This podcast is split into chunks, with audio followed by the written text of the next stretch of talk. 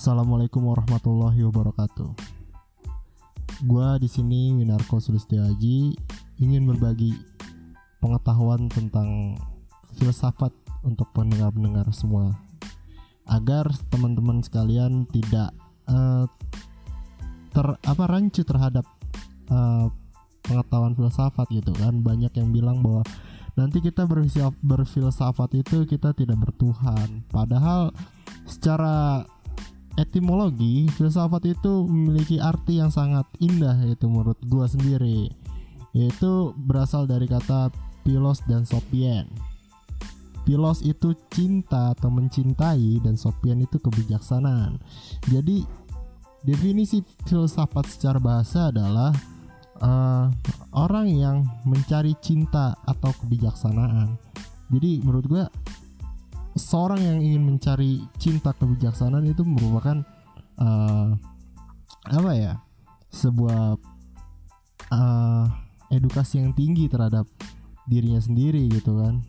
Makanya kalau istilah-istilah filsafat itu rancu terhadap pengetahuan-pengetahuan yang membuat kita tidak beragama atau sebagai macamnya itu menurut gua itu uh, pola pikir yang harus dikoreksi karena untuk meyakini sebuah keyakinan agama itu kan tergantung diri kita sendiri. Balik lagi ke masing-masing orangnya. Selanjutnya dari pengertian etimologi filsafat kita akan masuk ke orang-orang yang berfilsafat tokoh-tokoh filsafat yang ada di dunia. Dan yang pertama kita akan bercerita tentang Thales Thales merupakan filsuf pertama di dunia. Thales berbicara bahwa dunia tercipta dari air dan Thales sendiri punya murid yang bernama uh, siapa ya? Gue uh, agak-agak sedikit lupa nih. Jadi Thales itu punya murid yang bernama Anaximenes. Teori Thales dan Anaximenes itu hampir sama bahwa dunia ini tercipta dari air Lalu ada juga teori dari Robert Charles Darwin, Charles Robert Darwin, sorry. Uh, do, uh, Charles Robert Darwin itu pernah bilang bahwa te, uh, manusia itu berevolusi dari kera. Nah, sebelum Charles Robert Darwin sebenarnya udah ada persepsi bahwa dunia itu tercipta dari air. Menurut saya uh, sebelum Darwin berbicara tersebut mengungkapkan teorinya tersebut sudah ada. Orang yang mengungkapkan teori lain tentang dunia ini itu kan proses terjadinya wujudnya dunia ini. Jadi menurut saya ya pengetahuan di luar teori Charles Darwin itu sebenarnya udah udah lama. Namun teori dari Thales ini tidak bisa dijelaskan secara bukti empiris. Jadi uh, kurang kuat lah bukti-buktinya bahwa filsafat itu manusia uh, dunia peradaban dunia itu tercipta dari air. Jadi mungkin karena bapak filsafat pertama di dunia jadi ya mungkin bukti-bukti uh, bahwa argumentasinya itu belum kuat ya karena sudah sekian lama gitu kan ratusan masehi gitu sebelum ribuan masehi. Jadi mungkin udah kuno dalam pengetahuan. Tapi untuk pengetahuan umum kita mungkin ini menjadi patokan kita sebagai pembelajaran ya. Sel yang selanjutnya kita masuk ke bapak filsafat yang kedua setelah Thales dan Thales mempunyai murid yang bernama Anaximenes. Selanjutnya ada Heraklitus yaitu filsafat ketiga. Heraklitus bilang bahwa dunia itu dari api Kenapa dunia dari api? Nah, di sini kita akan menjelaskan pendapat-pendapat dari fil uh, filsuf tersebut.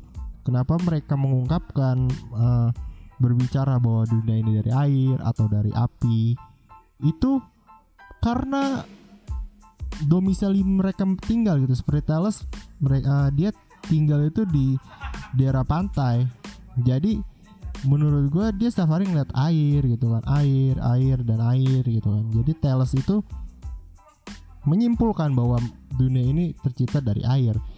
Dan uh, begitu pula dengan Heraklitus. Heraklitus itu uh, menyebutkan bahwa dunia itu tercipta dari api karena dia tinggal di dekat gunung berapi gitu.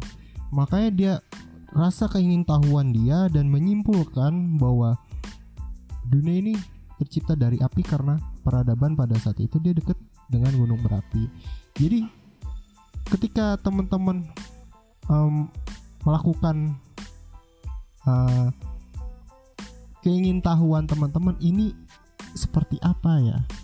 Ini gimana terciptanya gitu? Ini gimana prosesnya? Mungkin teman-teman sedang berisi filsafat gitu kan karena rasa keingintahuan teman-teman rasa pertanyaan-pertanyaan yang muncul dari diri teman-teman di situ yang menjadikan uh, pengetahuan-pengetahuan yang tercipta selanjutnya dari Heraklitus kita masuk ke Parmenides. Parmenides mengatakan dunia berasal dari satuan terkecil, tapi dia tidak menjelaskan apa satuan terkecil tersebut. Tapi dapat kita analogikan seperti tembok. Tembok itu ada bata, bata itu ada semen, semen itu ada uh, pasir, butiran pasir yang sangat kecil. Dari butiran pasir yang sangat kecil itu bisa dijelaskan bahwa pokok dari bumi dunia itu dari butiran yang sangat kecil mungkin bisa dianalogikan seperti persio, per, uh, penganalogian terhadap tembok. Selanjutnya ada Demokritus, filsafat yang ke kelima. Demokritus itu kurang lebih sama kayak Parmenides, tapi dia mengatakan bahwa dunia tercipta dari satuan yang terkecil seperti atom. Nah, awal mulanya atom itu sebenarnya Demokritus sudah mengungkapkan awal mulanya dunia itu terbentuk dari atom itu dari Demokritus ini gitu.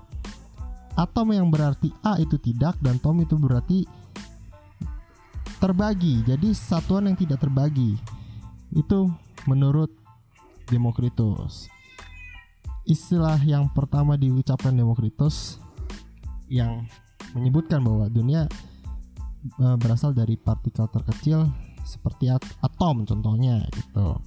Jadi filsuf-filsuf kelima filsuf ini merupakan uh, eh sorry keempat filsuf ini merupakan filsuf pertama yang mengupak, mengungkapkan teori-teorinya gitu kan. Nah, kategori teori in, eh, teori filsafat ini merupakan filsafat kealaman gitu. Kurang lebih gitu yang gue setahu pengetahuan gue gitu ya mungkin kalau ada uh, kesalahan atau apa bisa teman-teman koreksi dan teman-teman bisa mencari lagi ya kan sebagai sumber uh, pengetahuan yang kita bahas hari ini. Jadi cukup sekian uh, cerita pengetahuan dan berbagi seputar pengetahuan tentang filsafat. Buat teman-teman jangan pernah takut untuk belajar dan semua tergantung balik lagi ke teman-teman. Ketika kita ingin belajar bukan berarti kita harus uh, tertutup dengan segala sesuatu hal gitu kan. Jadi lebih bijaksana lagi seperti fils apa itu filsafat gitu kan ketika teman-teman mau belajar tapi udah tertutup dengan uh, nilai-nilai batasan gitu kan menurut saya itu teman-teman masih kurang itu belajar ya jadi untuk belajar itu tidak ada batasannya ya kan jadi cukup sekian terima kasih Terima kasih udah mau mendengarkan podcast ini. Wassalamualaikum warahmatullahi wabarakatuh.